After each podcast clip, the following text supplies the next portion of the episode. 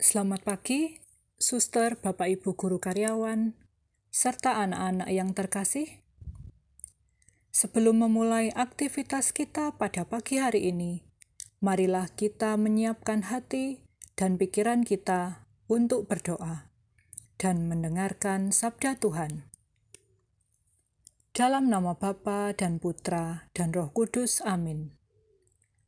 Allah Bapa kami yang ada di dalam surga, kami berterima kasih kepadamu karena hari yang baru ini. Berilah kami iman yang hidup, harapan yang kuat, dan cinta yang ikhlas. Inilah Injil Yesus Kristus menurut Yohanes. Dimuliakanlah Tuhan. Sekali peristiwa, Yesus berseru di hadapan orang-orang Farisi yang percaya kepadanya.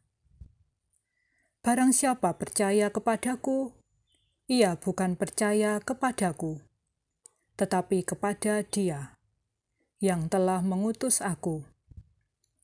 Dan barang siapa melihat aku, ia melihat Dia yang telah mengutus aku. Aku telah datang ke dalam dunia sebagai terang, supaya setiap orang yang percaya kepadaku jangan tinggal di dalam kegelapan. Dan jikalau seorang mendengar perkataanku, tetapi tidak melakukannya, aku tidak menjadi hakimnya. Sebab aku datang bukan untuk menghakimi dunia, melainkan untuk menyelamatkannya. Barang siapa menolak aku dan tidak menerima perkataanku, ia sudah ada hakimnya, yaitu firman yang telah kukatakan. Itulah yang akan menjadi hakimnya pada akhir zaman. Sebab aku berkata-kata bukan dari diriku sendiri, tetapi Bapa yang mengutus aku. Dialah yang memerintahkan aku untuk mengatakan apa yang harus aku katakan dan aku sampaikan. Dan aku tahu bahwa perintahnya itu adalah hidup yang kekal.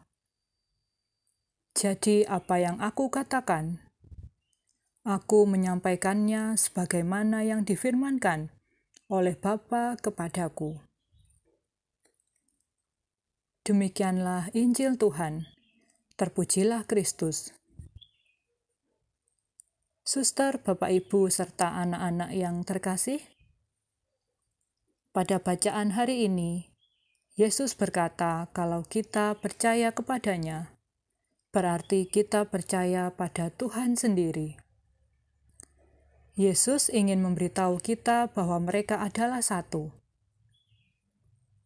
Tujuan kita mempercayai Tuhan supaya kita bisa bersama dan bersatu dengan Tuhan di surga ketika waktu kita di bumi ini sudah berakhir. Tahap selanjutnya adalah selalu memulai dan menutup hari dengan doa. Doa adalah komunikasi kita dengan Tuhan. Doa juga mampu mengubah segalanya. Tahap terakhir adalah melakukannya secara konsisten. Berdoa dan membaca kitab suci kita jadikan makanan rohani kita setiap hari untuk menumbuhkan iman kita. Amin.